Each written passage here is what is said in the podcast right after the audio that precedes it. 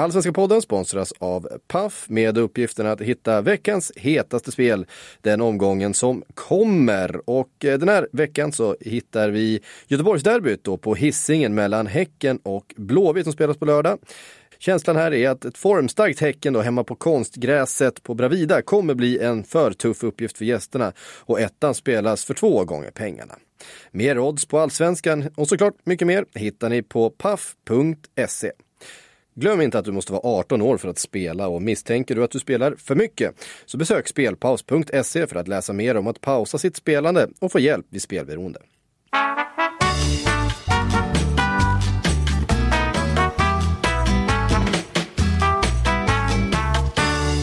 Hej och välkomna till den allsvenska podden som görs i samarbete med Robert Laul och Per Boman. Det är jag som är Laul och det är du som är Boman. Hej Per! Hej! Idag ska vi prata om den tionde omgången. Om en tabell som börjar sätta sig, eller? Om Malmös maskerade mästartakter. Om kaosmatchen på Tele2 om ett antiklimax på Gamla Ullevi, om AIK verkligen var illa ute mot Falkenberg och om Häckens förlorade försvarsspel. Hur djup är Giffarnas kris och en hel del annat. Men först Per Boman, du har en spaning som spänner över stad och land. Ja, det kan man säga. Eh, det finns ju otaliga trötta konspirationsteorier och så här märkliga föreställningar kring media och allsvenskan som, som ju inte stämmer. Det är så här trötta klyschor om att alla sportjournalister hejar på Hammarby eller att fotbollsjournalister medvetet svartmålar fotbollssupportrar och sånt som inte alls stämmer. Det, det finns mycket sådana grejer. Men det finns en allmänt spridd uppfattning som faktiskt är helt sann. Den om att riksmedierna inte lägger lika stor kraft på att rapportera om lagen utanför storstäderna som man gör om de som är i Malmö, Göteborg och Stockholm. Eh, den är helt sann och det gör ont i mig varje dag att det faktiskt är så. För jag får ofta mejl eh, från läsare som undrar i varför i helvete vi inte har skrivit någonting om Kalmar, Örebro eller Östersund, Älvsborg eller liknande. Och då skäms jag lika mycket varje gång.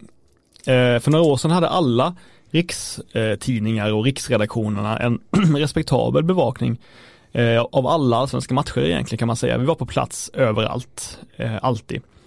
Eh, numera är inte ens TT på plats överallt eh, och det handlar ju såklart om pengar. Medierna har mycket mindre cash jämfört med förr i tiden vilket gör att de i första hand lägger tyngdpunkten på de sju, åtta största lagen plus en eller två positiva överraskningar som går oväntat bra. Visst, de andra lagen bevakas också men inte alls lika mycket som förr och redan förr var det ju en storstadsfixering, eh, även om man bevakar de andra matcherna. Nu är det ju ännu mer av den varan. Det får ju såklart följder även för den här podden. Många undrar varför vi inte sa någonting om Häcken, Kalmar eller Falkenberg eh, vid något tillfälle. Och det beror ju på att jag och Robert i princip alltid skickas ut på storlagens matcher för att bevaka dem i första hand. Eh, Därför finns det också en tyngdpunkt på dem i podden som, som är jobbig i viss mån. Men det är, jag tycker man ska vara ärlig för det är sanningen. Eh, generellt sett tycker jag att det känns pissigt med den storstadsfokuseringen. Eh, För varje allsvenskt intresserad så ska det vara lika kul att få höra om och prata om Michael Omo, Johan Stenmark, Marcus Holgersson och David Haro som Ahmed Tankovic, Tarik Elionossi, Marcus Rosenberg och Paka Lagemyr. Men ibland så missar vi då eh, ett par matcher på grund av att vi är och bevakar något av storstadslagen. Eh, men det vi kan lova här är att alltid, ta mig fan alltid lägga stor kraft på att analysera även det andra laget som något av storstadslagen möter. Att vi försöker säga någonting om dem också. Det kan vara Kalmar, Falkenberg eller Sirius när de möter AIK, Hammarby eller Malmö FF. Eh, I tyck också, när vi skriver på matcherna, våra krönikor, så tycker jag vi ska, man alltid ska lägga en viss del av det också på att nämna någonting om det andra laget. Det tycker jag är viktigt. Eh, jag kan avsluta med att parafrasera Rune Andreasson som skapade Bamse. Eh, en gång gick han ur socialdemokratin för att de slutade lägga en procent av BNP på internationellt bistånd. Eh, och jag kommer använda hans citat fast om vår podd då. Att åtminstone prata mycket om lagen som möter storstadslagen, det är vår livboj för att inte drunkna i skam. ja, det var en fantastisk avslutning måste jag säga på, på en briljant spaning eh, som tog mig lite måste jag säga. Det här var fint. Eh, jag är nästan lite eh, mållös här eh, av, eh, av djupet i din betraktelse men jag försöker finna mig och sticka hål i det jag kan sticka hål i ändå så att vi får lite dynamik här. Jag tycker att du har för korta spann i det du ser här.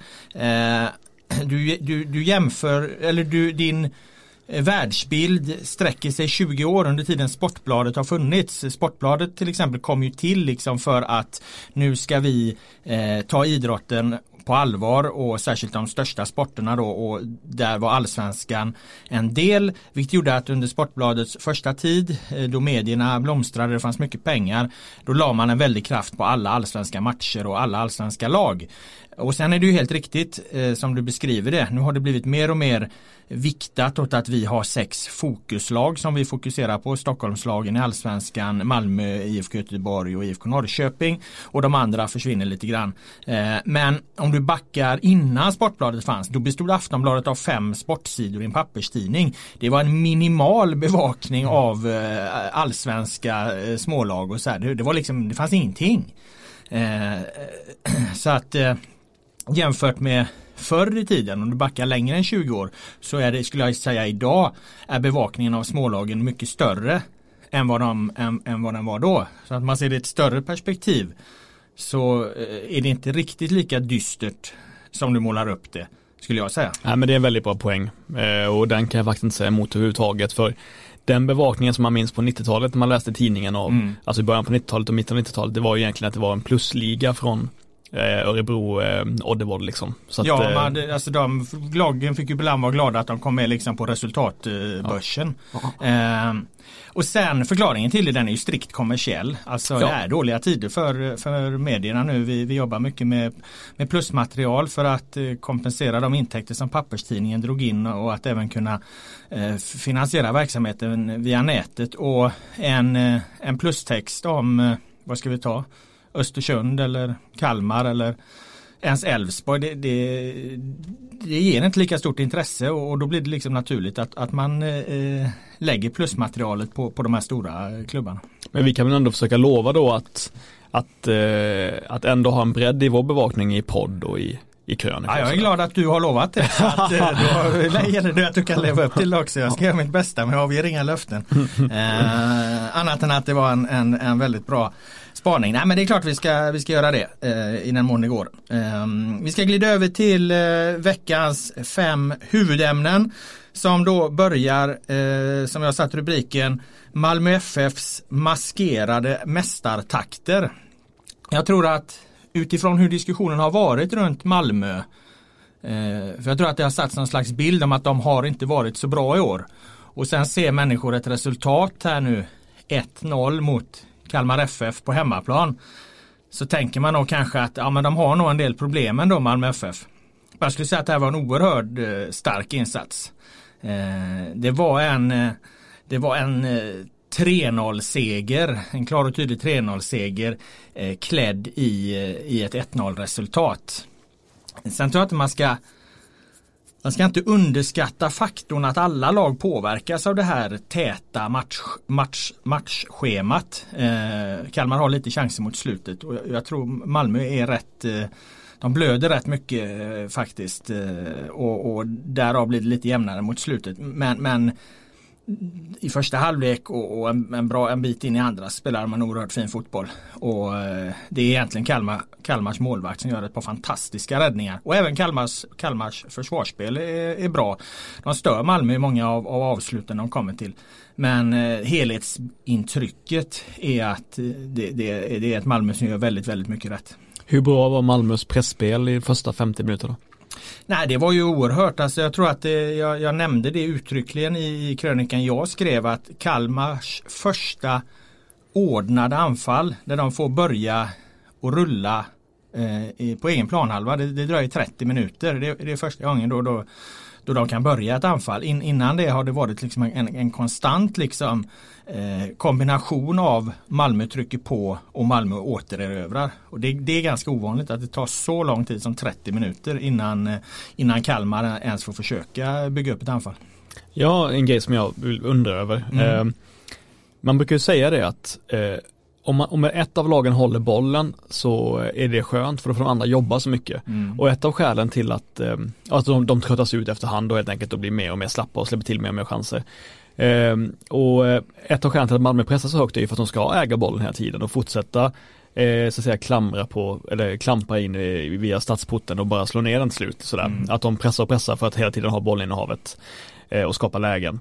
Eh, men då sa Erik Eman något intressant, han sa ju att han sa att jo men nu, nu blir Kalmar tröttare och tröttare, de får aldrig känna att de kan vila med bollen, de kommer bli trötta i andra halvlek. Samtidigt så är det ju jättejobbigt för Malmö att göra den här pressen, eller hur? Det är också mm. jättejobbigt, mm. man blir också sliten då ju till slut. Vad är egentligen jobbigast? Att, att vara laget som blir sönderpressat eller vara det laget som pressar sönder?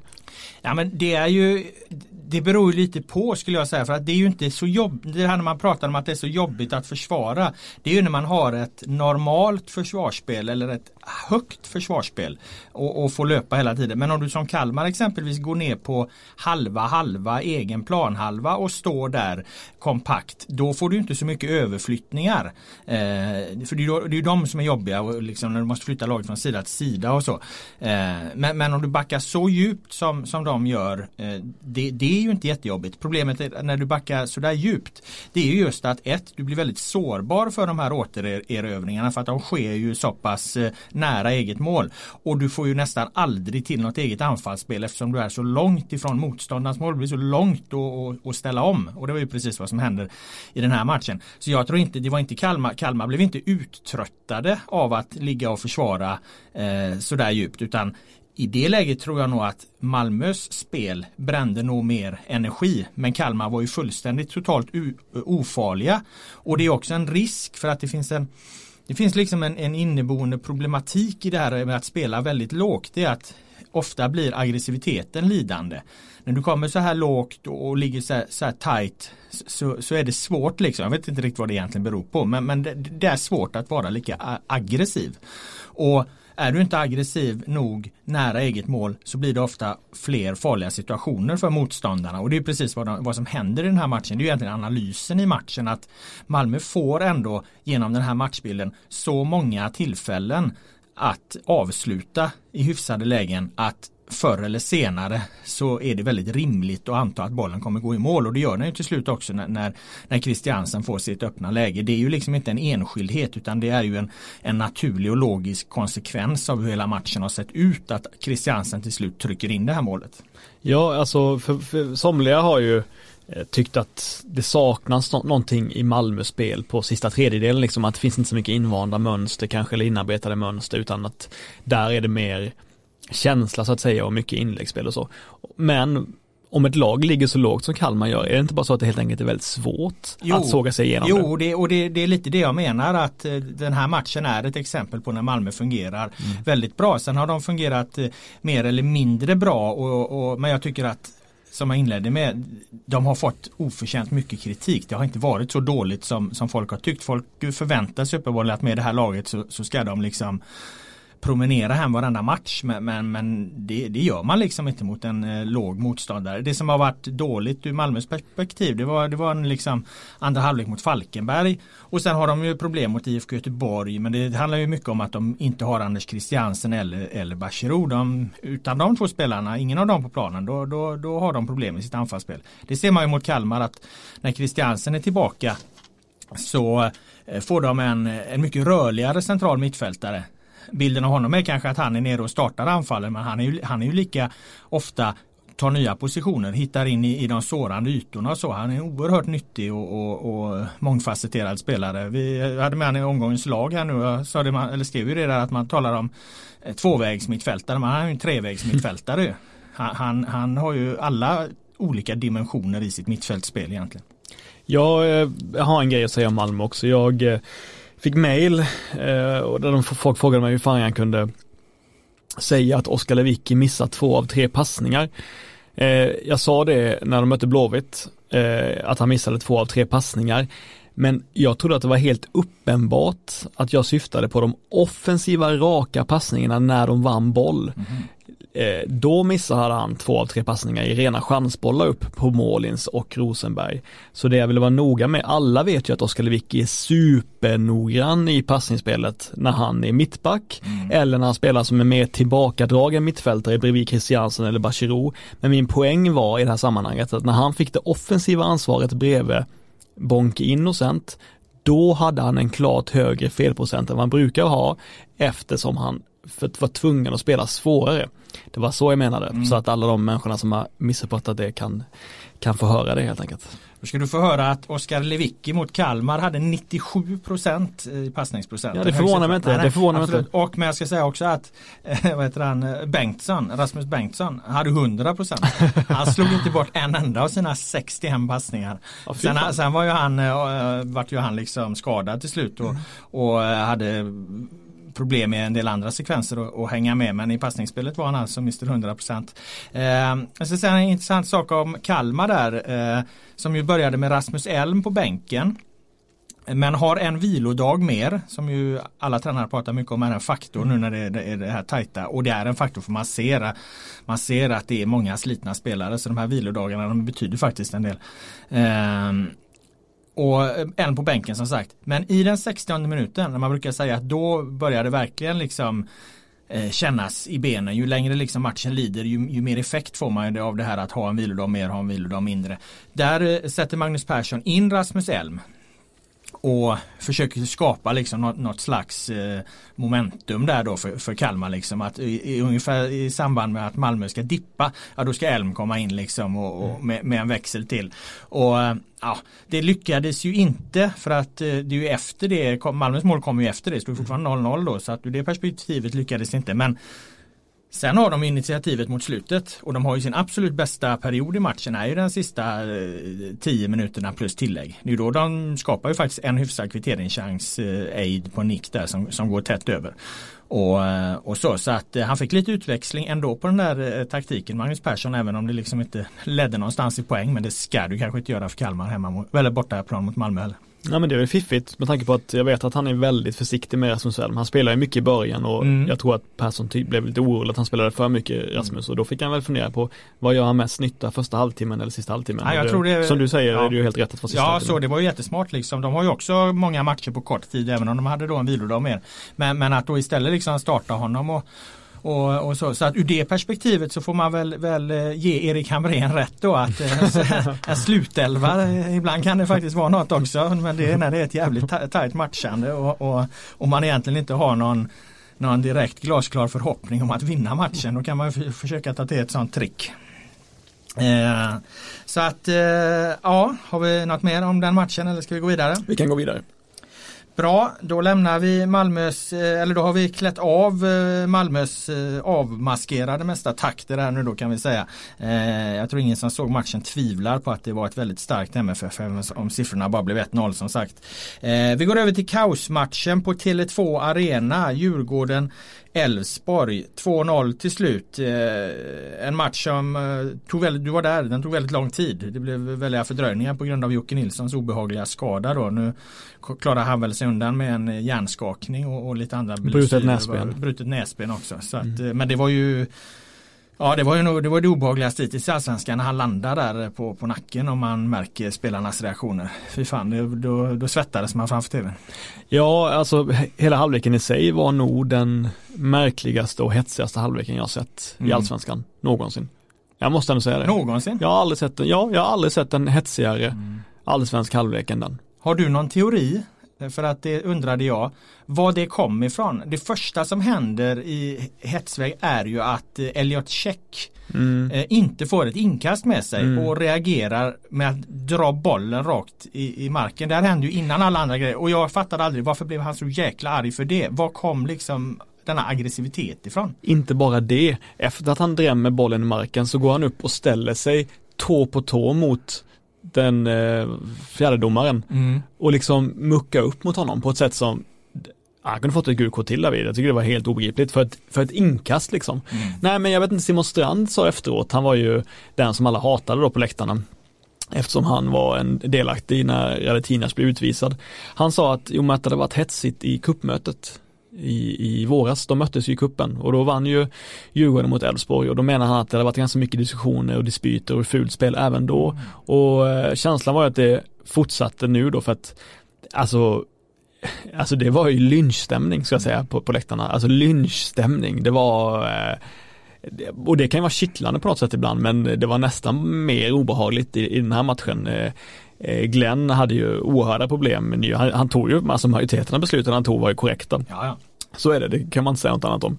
Men han eh, hamnar ändå i sådana otroliga problem för jag tycker inte heller att spelarna riktigt hjälpte till att lugna ner det för att det blev ju det blev ju stora diskussioner och puttande på varandra vid varje, vid varje enskilt domslut nästan. Eh, så att, alltså, alltså det var ju 61 minuters eh, första halvlek, vilket är rekord antar jag. Eh, jag vet inte men jag antar att det är det då. Och då skulle jag säga att effektiv speltid 20, mm. 21. Alltså det gick inte att säga någonting om matchen från första halvlek, ingenting alls. Och inte om andra halvlek heller, för då, eh, då backade ju Djurgården väldigt bra. Man hade Daniel som var Erik Berg som gick ner som en tredje mittback som spelade fembackslinje, var otroligt organiserade och Elfsborg det var så tydligt att Elfsborg är fortfarande ett valpigt lag i jämförelse med Djurgården. Eh, det var som att de inte riktigt vågade utnyttja faktumet att, att de var en man mer. Det, det var som Vet du vad de saknar? Vad saknar de? Mitt favoritord. Vad är det? Tålamod. Tålamod, alltså, ja, För ja. att de eh, får ju eh, då givetvis eftersom de är en man mer i andra halvlek. De får ju Djurgården där de vill ha dem. Mm. Och de kan gå upp och så slänger de iväg ett inlägg. Slänger iväg ett distansskott. Istället för att liksom eh, med, med någon form av metod försöka vänta till tillfället uppstår att, att eh, söka en boll in i straffområdet. Att komma med ett, ett genombrott. Och det, det, där saknar de ju till 120 procent eh, tålamod. Att Nej, vi vänder om här och, och prövar en gång till. För att det hade Djurgården, de hade fått göra det för att Djurgården stod ju där de stod. Det var ju ofarligt för dem. Men eh, de, de klarade inte det utan de blev hetsiga och Jimmy Tillin pratade om att de spelade väldigt mycket för sig själva och då tror jag det där är, det där är ju en, eh, även om han är jättebra vän med Pavel Cibicki så, så såg man ju alltså det är jättemånga konstiga avslut eh, som Cibicki tar. Vet du vad som är intressant i Mm. det sammanhanget? Efter matchen, vet du vad spelarna sa? Nej. Att de hade gjort dåligt Nej. och som Jim hade sagt åt dem att göra mer. Nej. Slå fler inlägg. Ja det köper jag. Ja, ja, Men exakt. de, de slår ju dem i fel läge. Ja, ja absolut. Men han, Alltså- menar, han menar att han, de ville ju Ja, jag hörde på han i, i, Simor intervjun där Mm. så att eh, absolut. Men, men, och det sa han väl där också att de slår ju dem i helt fel lägen. Mm. De slår ju dem eh, där Djurgården vill att de ska göra och då måste du vända om och se om du kan hitta ett bättre läge i en annan sekvens. Men det tålamodet har de inte utan de stressar iväg det. Jag tycker att i första hand att det var en mental fråga. Alltså att man, man hade känt sig att det här laget hade det låter ju alltid banalt när man pratar om på det här sättet när man psykologiserar liksom.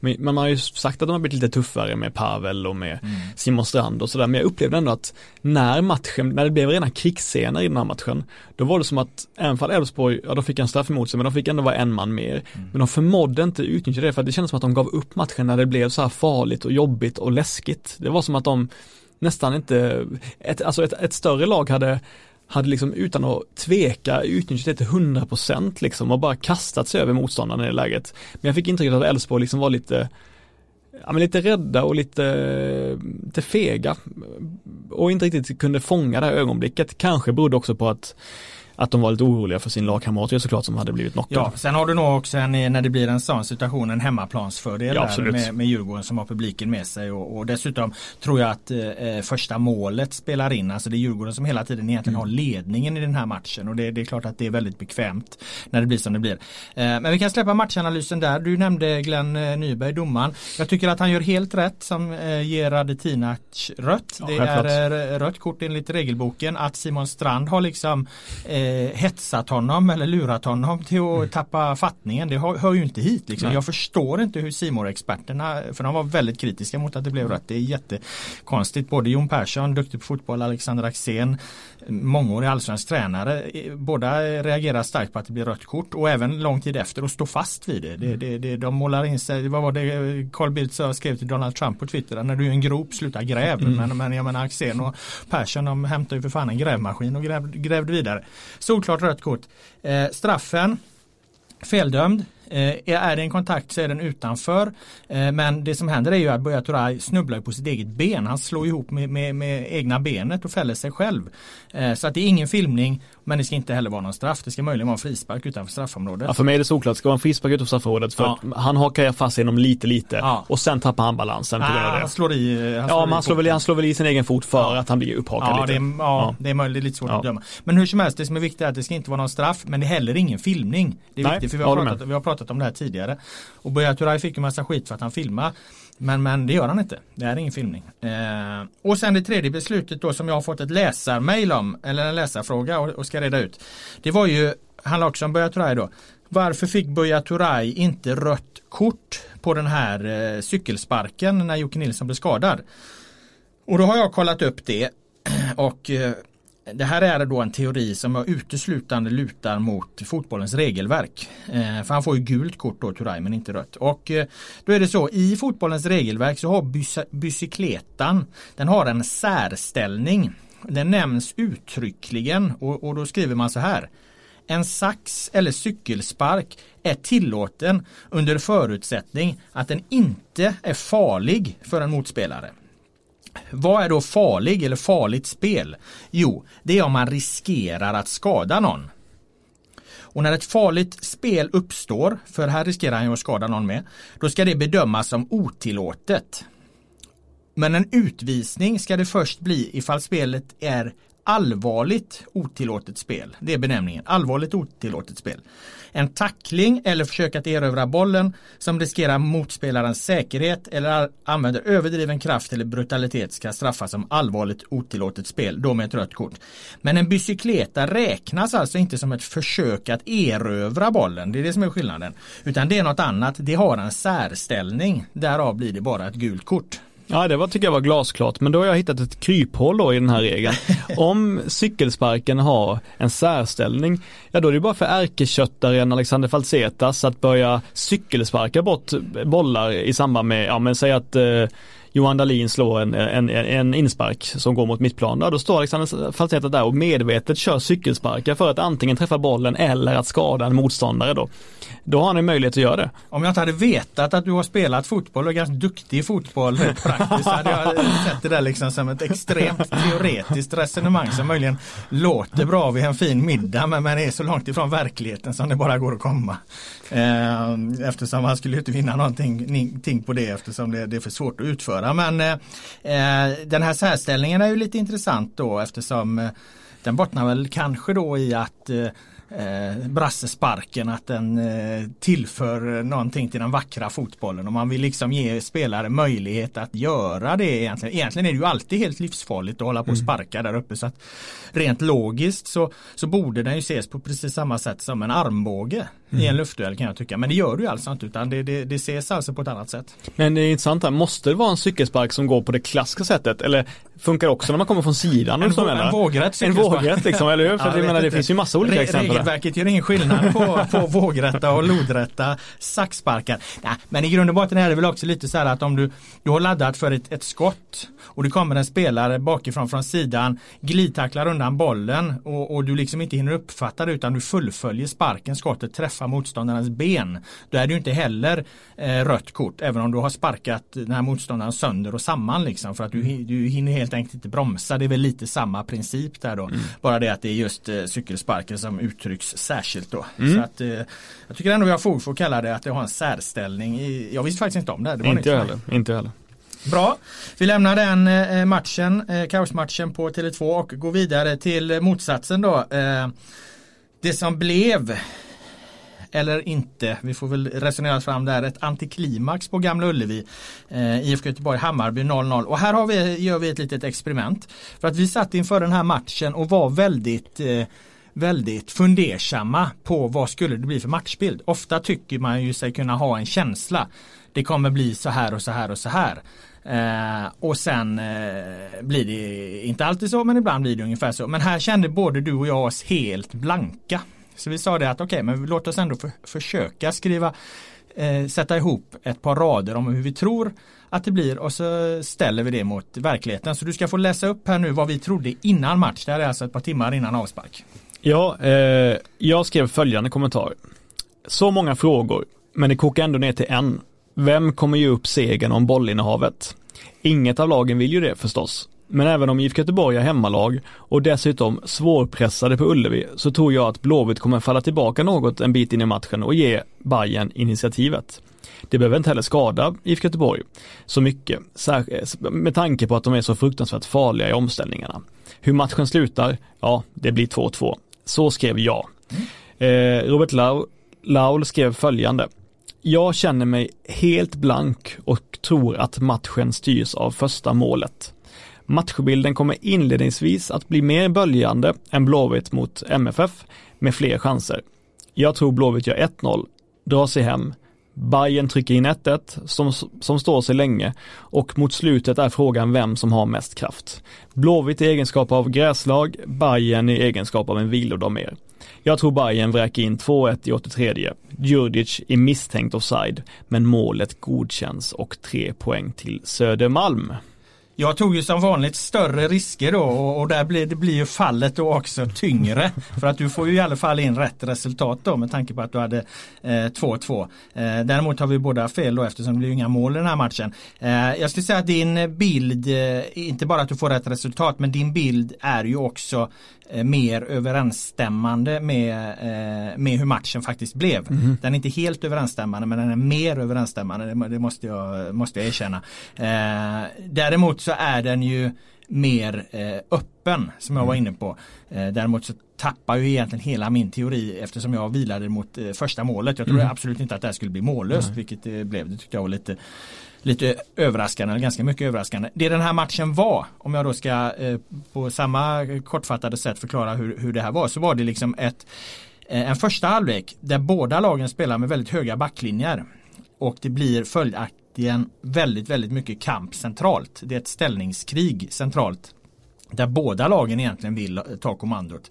Hammarby är lite bättre på det här spelet så att den viktar över till Hammarby den första halvleken. Så jag skulle säga att Hammarby har ett litet spelmässigt övertag. Även om IFK Göteborg har ett ribbskott i första halvlek.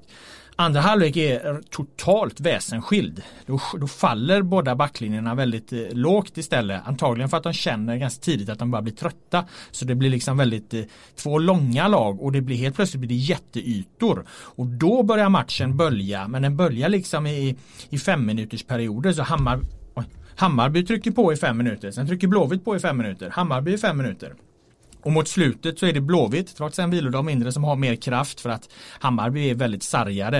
Eh, de, de får skador på Fällman, eh, varken eh, Solheim eller Widgren kan i, i, i princip gå liksom. Så att hela deras backlinje är ju på många sätt borta. Och Djurdjic då gör ju inte mål i slutet. Han blir ju däremot utvisad helt korrekt mm. och till hemmafansens stora förtjusning. För de irriterar sig mycket på honom som, som många eh, motståndarfans till Bayern gör.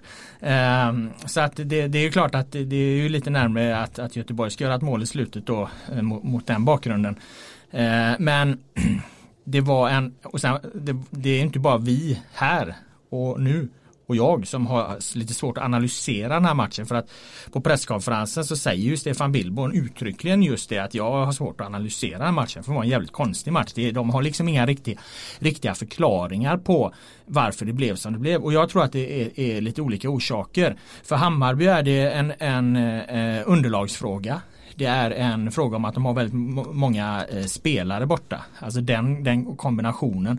Plus att de även blir förryckta eh, under matchen för eh, IFK Göteborg så eh, de, de, visar ju någonstans då att de håller jämna steg med de här topplagen. Men de har ju haft, eh, de har haft färre vilodagar. De har haft en extremt tuff match mot Malmö FF väldigt kort inpå. Så att, att de inte kommer upp i, i, i riktigt samma nivå som, som de gjort på senaste tiden. Det förklaras nog av det, liksom att eh, färre vilodagar och eh, en väldigt tuff match mot Malmö precis innan. Och och där, då har du liksom vissa störningar i båda lagen och det är därför den här 0-0 matchen tycker jag kvalitetsmässigt och spelmässigt är mycket, mycket sämre än 0-0 mellan IFK Göteborg och Malmö FF även om det var fler målchanser i, i IFK Göteborg och Bayern.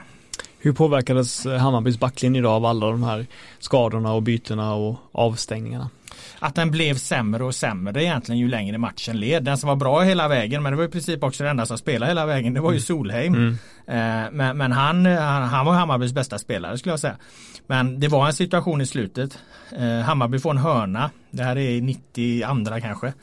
Och eh, de slår hörnan och IFK Göteborg vinner duellen, ställer om och han kan inte springa hem liksom. Du vet han, han, alltså han försöker, han, han, men han kan inte springa, han får liksom trippa, får hoppa hoppa hem liksom. Mm. För att han, han är så slut i kroppen. Och, och Widgren såg ju likadan ut på andra sidan. Så hade, hade den här matchen varit 5-10 minuter längre så undrar jag om inte Göteborg hade tryckt in ett mål. För de, de eh, var jäkligt sargade på slutet. Och det, ja, det, det Och då är det ju som sagt, det är ju Göteborg som har eh, en vilodag mindre. Men de ser mycket, mycket, mycket piggare ut. Mm. Och, och, det hänger säkert ihop med att det här unga spelare i, i Blåvitt liksom. Mm. Som inte, får inte samma krämpor på samma sätt. Vad hände med Yusuf?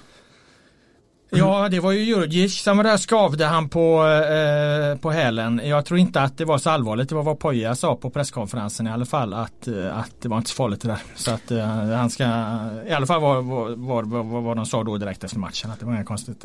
Ja, en sak som jag undrar som du gärna får svara på här. Efter matchen så fick eh, Poja frågor om det kommande derbyt mot Häcken ju, som ligger ju före Blåvitt i tabellen med någon mm. enstaka poäng sådär. Och då sa Poja så här. Eh, som lag har de haft en bättre tabellposition, men bäst i stan kan definieras på olika sätt. Vi är bäst i stan på att vara ett Göteborgslag. Vi är ett lag som kommer, det är ett lag som kommer spela med sina talanger och ett som sätter sina talanger på bänken. Det är ett Göteborgslag mot Häcken i princip. Då undrar jag så här, eh, jag fattar att man vill eh, unna sig att vara lite spetsig nu när det går bra och sådär och man gärna vill liksom slå fast den här bilden om att Blåvitt är det nya talang talanglaget och här får man chanser och sådär. För Häcken kunde ju göra det förr i tiden. Mm. Men eh, tycker du att det är rätt taktik att göra så? Nej, jag tycker väl inte kanske att Poja har, vad ska vi säga, vunnit tillräckligt mycket för att, att, att kliva upp på den hästen. Eh, samtidigt inför ett derby Eh, jag kan aldrig egentligen se att det är några fel att eh, jabba lite extra. Det, det hör väl så att säga till.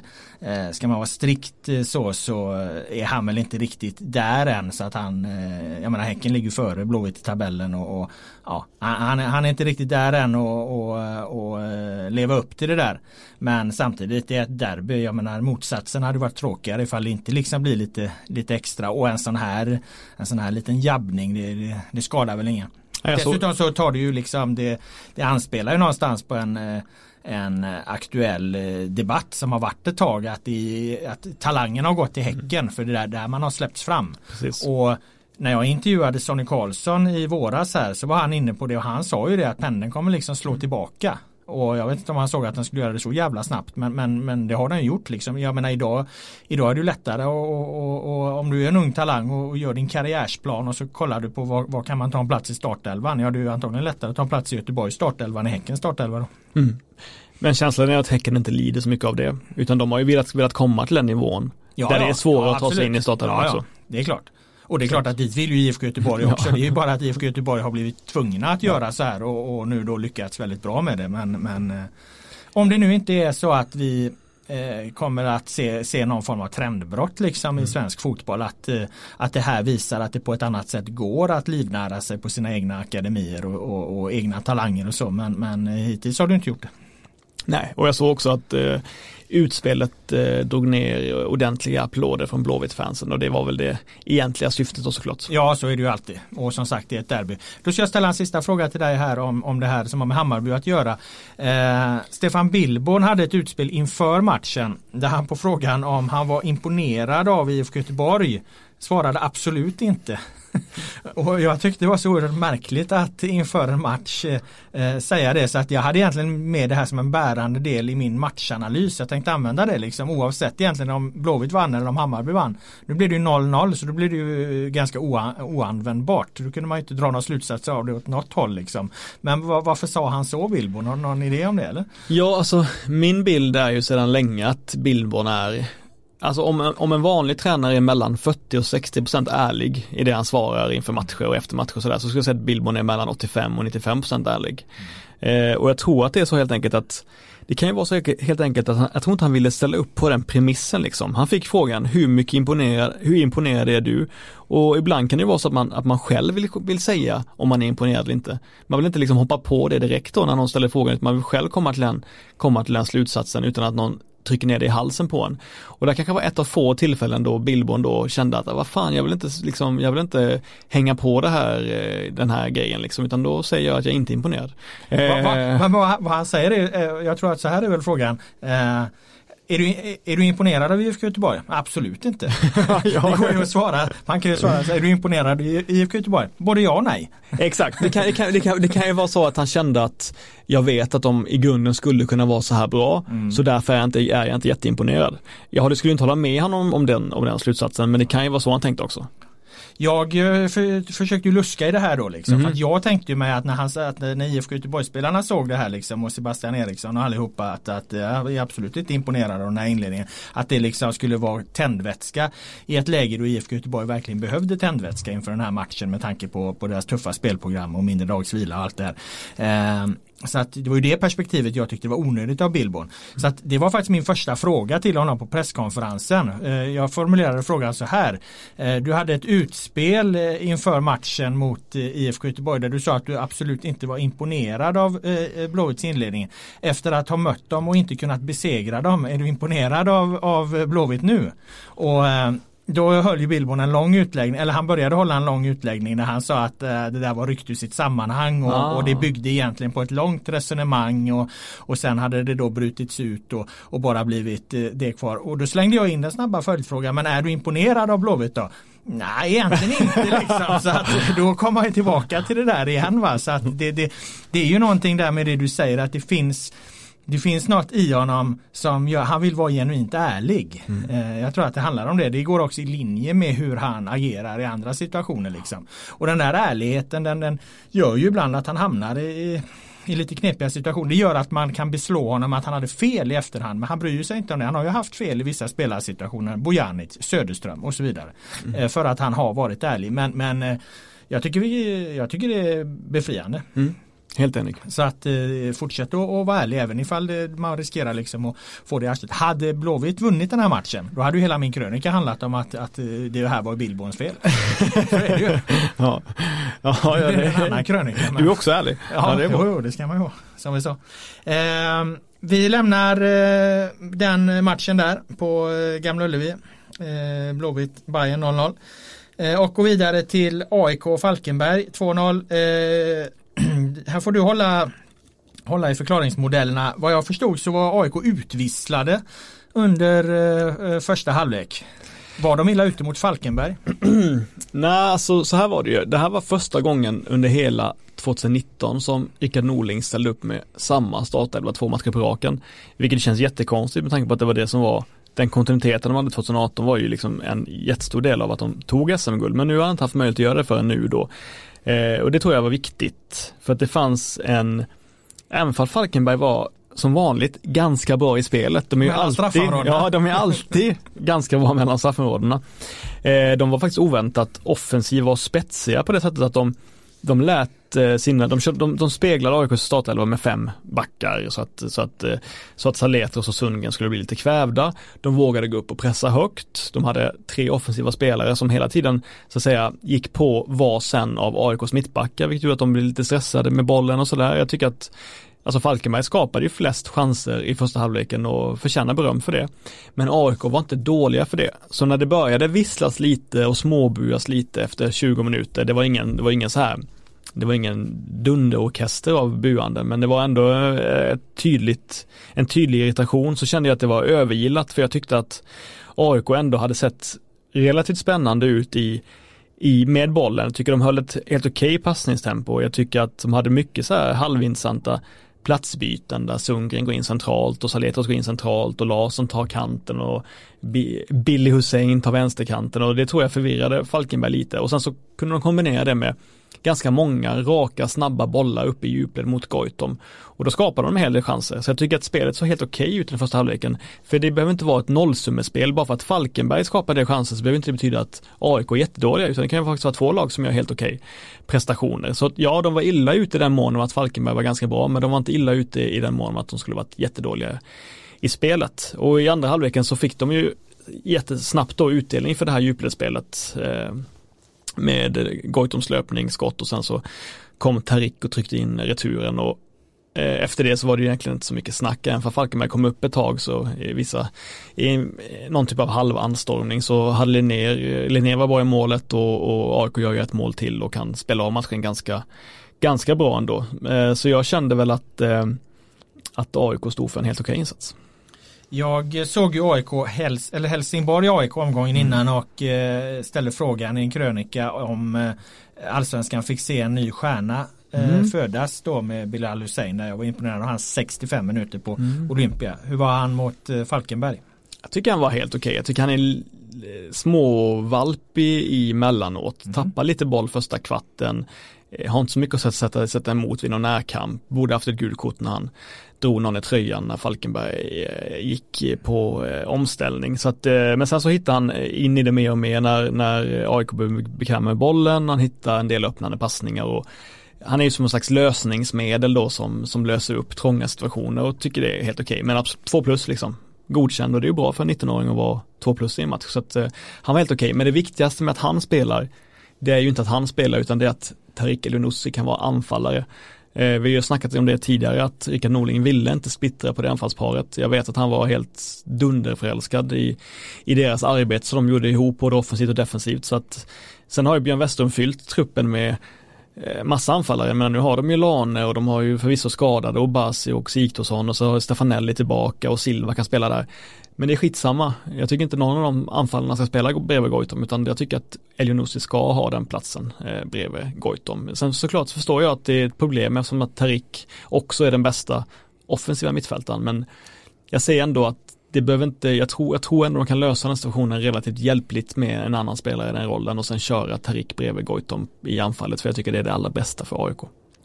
En magkänslereflektionsfråga där kring AIK. Har de liksom någonstans, för nu har ju de eh, trummat igång här och tar sina segrar.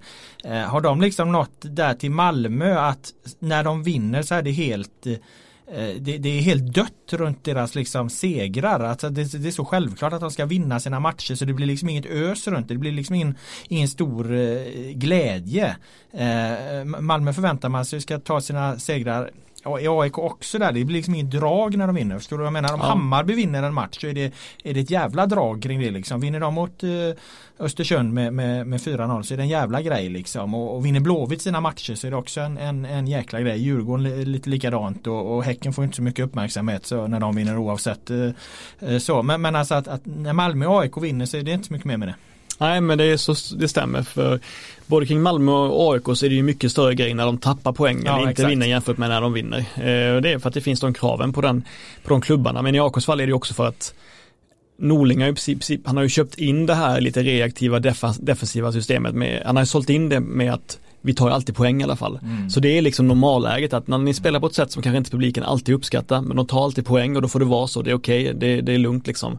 Eh, vilket gör att det heller blir inga, det blir ingen klang och jubel för liksom, ja, folk, folk eh, gråter inte av glädje på läktaren då när man vinner utan man tar det för någonting, ja men det det här men, har du lovat. Men i fjol liksom. var det ändå en eh, fortfarande en större grej när de vann sina matcher upplevde jag eller? Ja men det var ju för att det var den där jakten på SM-guldet ja. som inte hade kommit på länge också. Nu känner jag liksom inte att det är riktigt samma sak. Det, det, nej men det, du har rätt helt enkelt. Mm. Det, det, blir ingen jättestor grej när, när AIK vinner sina matcher.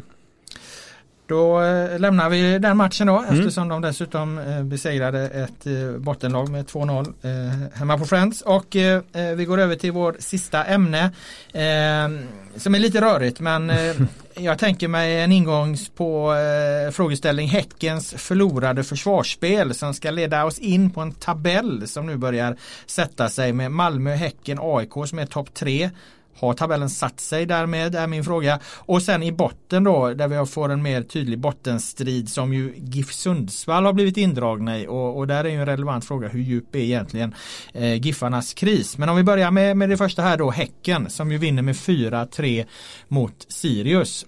Så har ju Häcken släppt in minst antal mål i allsvenskan innan den här matchen och släpper alltså in tre i en och samma match och då kan man fråga sig eh, var det Andreas Alm som släppte på bromsen och att Häcken nu spelar på ett annat sätt. Men ja, tittar man lite noggrannare på den här matchen så ser man ju att eh, Häcken leder ju med 4-1. Eh, och har en utvisad spelare och två av de insläppta målen är straffar. Eh, så att eh, det förklarar väl snarare att man släpper in plötsligt släpper in tre mål mot Sirius. Och framförallt så har man ju inte sitt ordinarie mittbackspar heller. Rasmus Lindgren är borta, Jonas Toivo är borta och de spelar som är Johan Hammar och Ojala tillsammans. Ojala blir då alltså utvisad exakt, i några fall. Exakt, så man får ändå, det är för tidigt då, som, som du säger att säga att defensiven skulle ha rämnat i, i, i, i, i Häcken när de då har ett helt nytt mittbackspar i, i den här matchen. Då har de inget förlorat försvarsspel då kan vi konstatera utan hittar de bara tillbaka till sina eh, ordinarie spelare där så eh, ska det nog ordna sig. Däremot så eh, ligger de ju som sagt eh, med i den här topp tre som är Malmö FF, Häcken och AIK. Och eh, frågan där då, för nu har det gått tio omgångar, man brukar säga att eh, en tabell sätter sig efter tio omgångar. Och eh, efter tio omgångar är det Malmö eh, Häcken och AIK som ligger topp tre. Har tabellen satt sig? Jag gillar det, man brukar säga att tabellen har satt sig efter tio omgångar. Vem brukar, brukar vem brukar göra det? Ja, du, du, brukar säga att tabellen har satt sig. Eh, nej, och Hasse det, Backe brukar säga det Ja, exakt. Eh, nej, det är ju fortfarande alldeles för jämnt i toppen för att kunna dra några slutsatser om vilka som är topp tre just nu. Mm. Jag tror visserligen att Malmö och AIK kommer vara med hela året i topp tre. Men inte nödvändigtvis Häcken då? Nej, inte nödvändigtvis. Alltså, jag, alltså, Häcken har lika stor chans som något av de andra lagen som mm. ligger från 1 eh, till 6 men jag är absolut inte säker på vilka av Hammarby, Djurgården eller Blåvitt eller Häcken som hakar på eh, hela vägen i topp 3 då. Jag vägrar ju släppa min tro på att Hammarby kommer vara med i den där topp 3 striden mm. hela vägen så att jag tror definitivt att eh, de kommer med där särskilt med tanke på pengar de får in under sommarfönster och, och, och liknande om man försöker se det i ett större perspektiv. Så jag tror, tror nog att vi, vi, får in Hammarby där. Sen får vi se då ifall det blir eh, Häcken eller AIK som faller bort. Malmö tror jag inte faller bort. Det är klart. Att, eh, Någonting som kan tyda på att AIK faller bort är ju för att det är ju då faktumet att de ska spela i Europa många lag, ja, exakt, många lag som spelar i Europa men de har ju gjort en stor poäng av att Europa mm. i princip är viktigare än allsvenskan i år. Vi har ju sagt det tidigare mm. under våren i podden att de har ju redan alla, alla ursäkter klara för om de inte vinner guld. Det är ju för att de egentligen satsade hårdare på Europa i år. Så att, mm. eh, det är väl en, det är väl möjligen det då att AIK kan falla ifrån för att de redan har gjort sig, gjort ursäkterna klara för att om de ska falla ifrån. Sen, Men eh, Sundsvall då? Ja, sen har vi bottenstriden då som jag tänkte komma in på. Eh, där vi har då eh, nykomlingarna. Mm. Som vi ju då överskattade lite men det har vi redan tagit upp. Jag noterade att Helsingborg AFC 1-1 eh, i lördags. Mom deserves the best and there's no better place to shop for Mother's Day than Whole Foods Market. They're your destination for unbeatable savings, from premium gifts to show-stopping flowers and irresistible desserts. Start by saving 33% with Prime on all body care and candles. Then get a 15-stem bunch of tulips for just $9.99 each with Prime. Round out Mom's menu with festive rosé, irresistible berry chantilly cake, and more special treats. Come celebrate Mother's Day at Whole Foods Market. AFC har 64% bollinnehav mot HF 36 i den matchen. Det är ganska mm. intressant att, eh, att Helsingborg är så eh, är så lite mer spelet ändå. Eh, nu ledde ju de förvisso och sånt påverkar alltid bollinnehavssiffrorna men, men nej HF är en besvikelse. Men vad vi framförallt ska prata om här då det är ju GIF Sundsvall. Eh, som jag ligger dig varmt om hjärtat kan man väl säga. ja, det vet jag inte men det, jag tycker det har varit kul att skriva om de senaste åren med all rätt eftersom de har överpresterat så grovt sett till vilka medel de har. Mm. Det måste man, så är det ju, det är ju en sanning. Eh, Hur djup är deras kris nu då? Alltså som jag tolkar det, nu har inte jag specialstuderat det här men mm. jag träffade Urban Hagblom i våras och eh, den bilden han gav då jämfört med vad som kommer fram nu Eh, det får ju mig att tro att den här krisen kan vara avgrundsdjup alltså. Det, det är enorma ekonomiska bekymmer de eh, förmodligen kan ha när jag eh, utan att jag kan gå in på exakt vad jag menar med det kanske så så, så ja. Nej men den ekonom... de, de, de är riktigt illa ute. Ja ja men den ekonomiska krisen har ju varit just katastrofal i flera år. Det var bara att de lyckades dölja det med någon slags Joe Labero-trick förra året som, mm. som ingen inte förstår vad de menade. Men de började helt plötsligt sa de bara, att ah, det är faktiskt ganska lugnt. Men det är det ju inte, utan det är fortsatt så att de hoppas jättemycket på att vara kvar i allsvenskan lagom till att eh, pengarna blir fetare då med det nya tv-avtalet. Annars ja, men inte ens det hjälper. Nej, det alltså, hjälper inte. Nu, nu, alltså, nu har de ju alltså en situation där de eh, där det helt plötsligt visar sig att de kommer gå 7-8 miljoner mm. back mot budget och då är det mm. medräknat att de ska sälja spelare för 5 miljoner. Och det ska de ju först och främst göra. Så då är ju frågan vad, vad, vilka ska de sälja här nu med tanke på hur de presterar? Men vi kan börja med liksom ifall spelmässiga krisen. De har ju fyra raka förluster. Eh, men eh, alla samstämmiga rapporter från matchen mot Norrköping säger ju att Giffarna var det bättre laget. Mellan straffområdena? ja, eh, framförallt i den första halvleken. Och, och vi som har kollat på Instat då och kollat på de olika höjdpunkterna, vi ser ju att Linus Alenius av alla människor har fyra, fem, jag ska inte säga frilägen, men tre av dem är frilägen och två av dem är 85% lägen och bränner allt. Vilket är så sjukt oväntat sett till hur klinisk han var i inledningen av den här säsongen. Och om Linus Hallenius missar 4-5 drömlägen då, ehm, då vinner ju inte Sundsvall några matcher. Eh, så att eh, spelmässigt så, så för, som jag förstår det så var det här ett fall framåt verkligen för Giffarna där de gör en väldigt bra insats borta mot, borta mot Norrköping. Eh, det de faller igenom är väl att de tre mittbackarna inte riktigt funkar ihop och att den ack så viktige Erik Björkander som ibland har varit petad men nu är skadad inte kan delta och att det är det största problemet eftersom den nya Blomqvist då, han kämpar hårt och vill mycket men inte riktigt redo än att leda det här försvaret i, i Giffarna för det ställer väldigt höga krav på försvarsspelarna i Giffarna i hur de spelar. Så som jag förstår det så var det spelmässigt ett verkligen ett fall framåt men att resultatet inte är, är bra nog helt enkelt. Men då ska jag testa en sak här. Kommer du mm. ihåg vad jag, vad jag eh, sa i ett tidigt skede av eh, när jag kom tillbaka här och började skriva om fotboll igen och vi hade dratt igång med Instat och allting och jag gick igenom eh, bland annat Giffarna. Så sa jag att eh, Giffarnas förklaring till deras eh, framgångar under 2018 är inte i så hög utsträckning deras egna spel.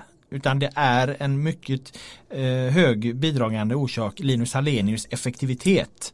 Eh, den liksom delen föll någonstans bort. Man vill gärna förklara Giffarnas framgång med att de, de deras eh, bollinnehavsfotboll och, och deras eh, fina eh, passningsspel och så här. Eh, så att, och samma tror jag det är nu. Jag tror inte heller att Giffarnas liksom metod helt har fallit igenom. Men däremot när du inte har en effektiv Hallenius på det då eh, får du inte ut så jävla mycket av det. Och det går ju i linje med vad du säger om den här senaste matchen. Så jag tror att man tillskrev eh, 2018 så tillskrev man eh, Cedergrens eh, metod för mycket cred i förhållande till vad Hallenius eh, faktiskt eh, bidrog med. Och nu så tittar man eh, för mycket på att metoden inte längre fungerar när det i själva verket är Hallenius effektivitet som brister.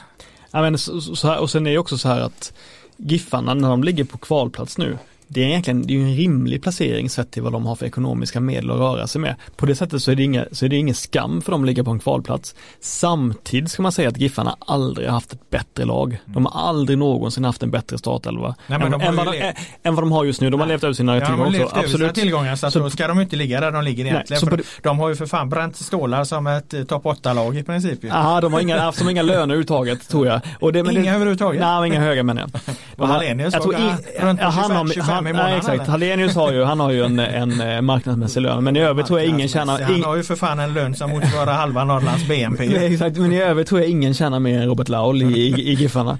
Eh, men, eh, men, men... Inte Montanero heller alltså. Ja, jag tror faktiskt att det är ganska låga löner bortsett från Hallenius. Men jag menar bara att, um, nej men det är ju, det, det är ju jävla, det är en paradox det helt enkelt att de har aldrig haft ett bättre lag nu.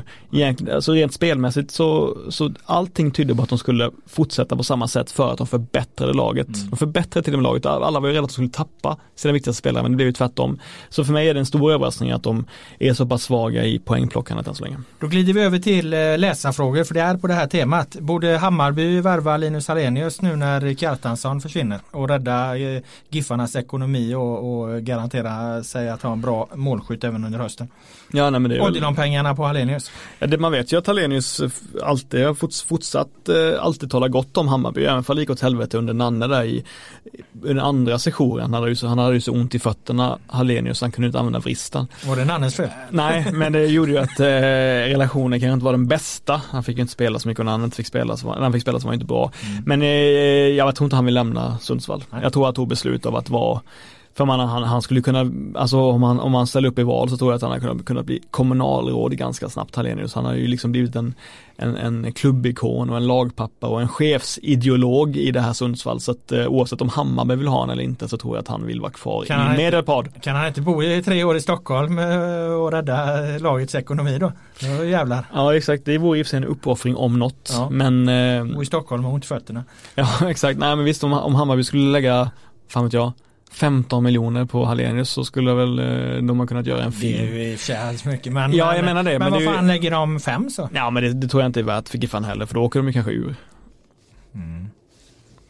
Men eh, ja, men det är ju alltid viktigare egentligen att lösa de ekonomiska kriserna än, än de spelmässiga, så är det ju. Ja men så har ju inte Giffarna resonerat eh, de, sen, de, senaste, de senaste åren. Det är kanske är dags att de börjar göra det nu. Ja, jag tror i alla fall inte det kommer hända. Okej. eh, en annan fråga vi fått är det var en lång jävla fråga. Jag sammanfattar den i spelschemat underlagsbyten skaderisk. Alltså jag tycker det har varit tydligt här nu på, i ganska många matcher och även med liksom stora lag som Malmö och Hammarby. Alltså det är mycket krämpor och, och de, de kan ju för fan knappt gå av planen när matcherna är slut. Alltså det här täta eh, spelschemat i, i kombination med att de håller på och byter underlag och, och så. Alltså jag, det här är inte bra liksom. Och det, det, liksom inte, det påverkar kvaliteten negativt. Det, det, det spelarna är halvskadade. Så här riktigt, det här är jag tycker det har inte varit bra liksom.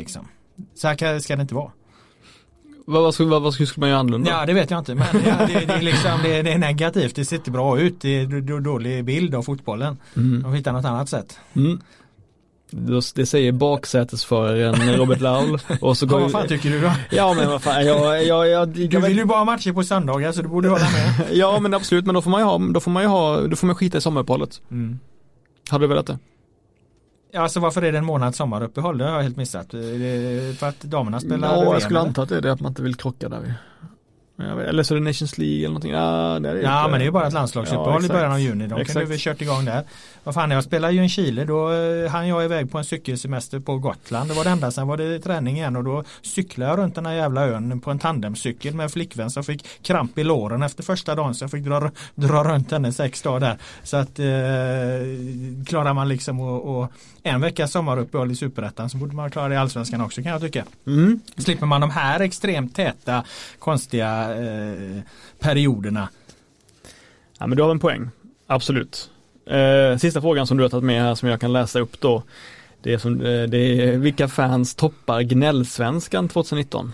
Jag skulle tveklöst säga att IFK Göteborg. Ja jag håller med om det faktiskt. Du håller med? Ja. Mm. Eh, det fanns ju en tid då det här gnället var befogat och det kan man väl säga att den tiden sträckte väl sig fram till eh, början av den här säsongen när de besegra massa lag. De besegrar Helsingborg, de besegrar AIK och, och det låter ungefär samma sak efteråt att ja, vi gjorde vår sämsta match någonsin. Så långt tyckte jag martyrskapet var befogat. Men nu är det IFK Göteborg, är en storklubb, man är med i toppen, man har liksom haft en besvärlig tid som man har överlevt. Nu, nu kan man liksom inte hålla, hålla på och nu får man vrida tillbaka eh, sin självbild till en storklubbsmentalitet istället och inte hålla på på och gnälla på allting och, och eh, agera som martyrer och så här. Och det här rör ju framförallt fansen då. Inte liksom, jag tycker inte spelarna har samma attityd.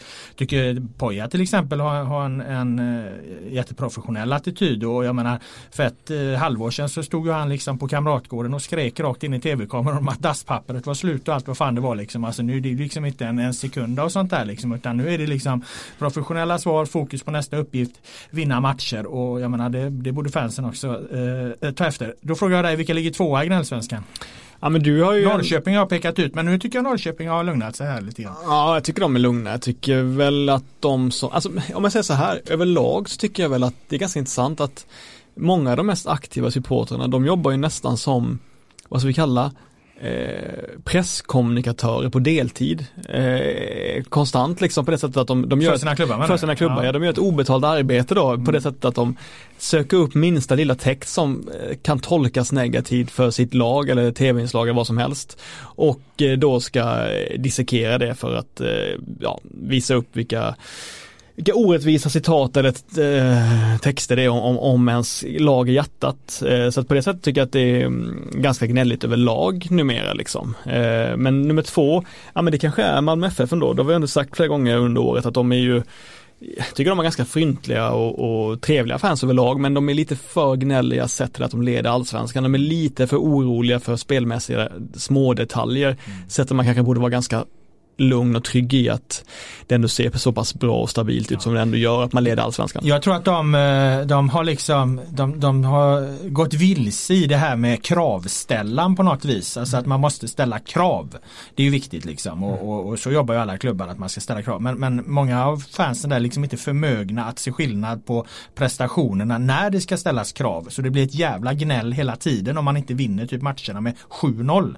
Och, och, eh, så kan det inte vara för att då, då får ju kravställandet ingen effekt. Kravställandet måste ju vara att gå in med full kraft när det verkligen är dåligt. Eh, andra halvlek mot eh, Falkenberg, ja då ska, det vara, då ska det vara ett jävla gnäll liksom. Men man ska inte gnälla på att man bara vinner med 1-0 över Kalmar när man gör en jättebra prestation för då blir det liksom ingen skillnad i, i, i kravställandet. Då får det ingen effekt. Då blir allting bara eh, eh en jävla kritik helt enkelt och, och det går liksom inte att se skillnad på vad som är vad.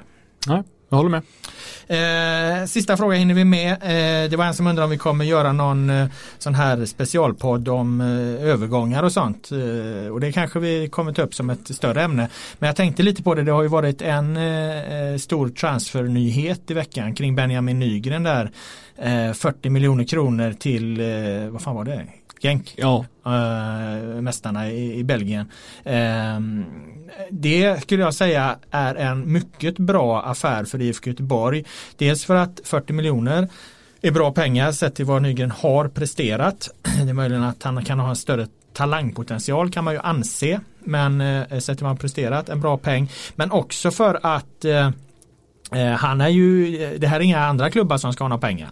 Han är ju Blåvitt produkt och eh, därmed hamnar ju pengarna i, i Blåvitt-kassan på ett helt annat sätt. Och eh, också Eh, det är inga agenter mig vetligen i alla fall inte så många som brukar vara inblandade där för han har, har, har ju knappt någon agent liksom så att jag tror inte att det kommer försvinna för mycket pengar där så att jag menar om det är 40 miljoner här så kanske det är närmare i motsvarande mot vad som annars hade försvunnit eftersom det alltid är totalsumman som kommunicerar. Det här kanske är att 50 miljoner i ett annat läge fast så försvinner det massa pengar på vägen. Är det 40 miljoner här, ja då kanske det i slutändan blir att, att IFK Göteborg då eh, behåller 35 av dem. Ja och sen så ska man inte heller tro att det kommer komma in bud efter bud efter bud. Det minns jag, det, det vet jag att Björn Westerholm ofta säger att mm både på Alexander Isak och Kristoffer Olsson, det var inte så att det kom in jättemycket bud. Det kommer sällan in jättemånga bud, utan de buden man får så måste man verkligen ta på allvar. Och inte tro att det kommer komma ett lika bra till eller kommer komma ett bättre per automatik liksom, utan att får man ett väldigt bra, då skulle det till och med kunna vara lite oansvarigt att bara neka det i IFK Göteborgs situation, så att det kommer rädda hela föreningen om de säljer honom.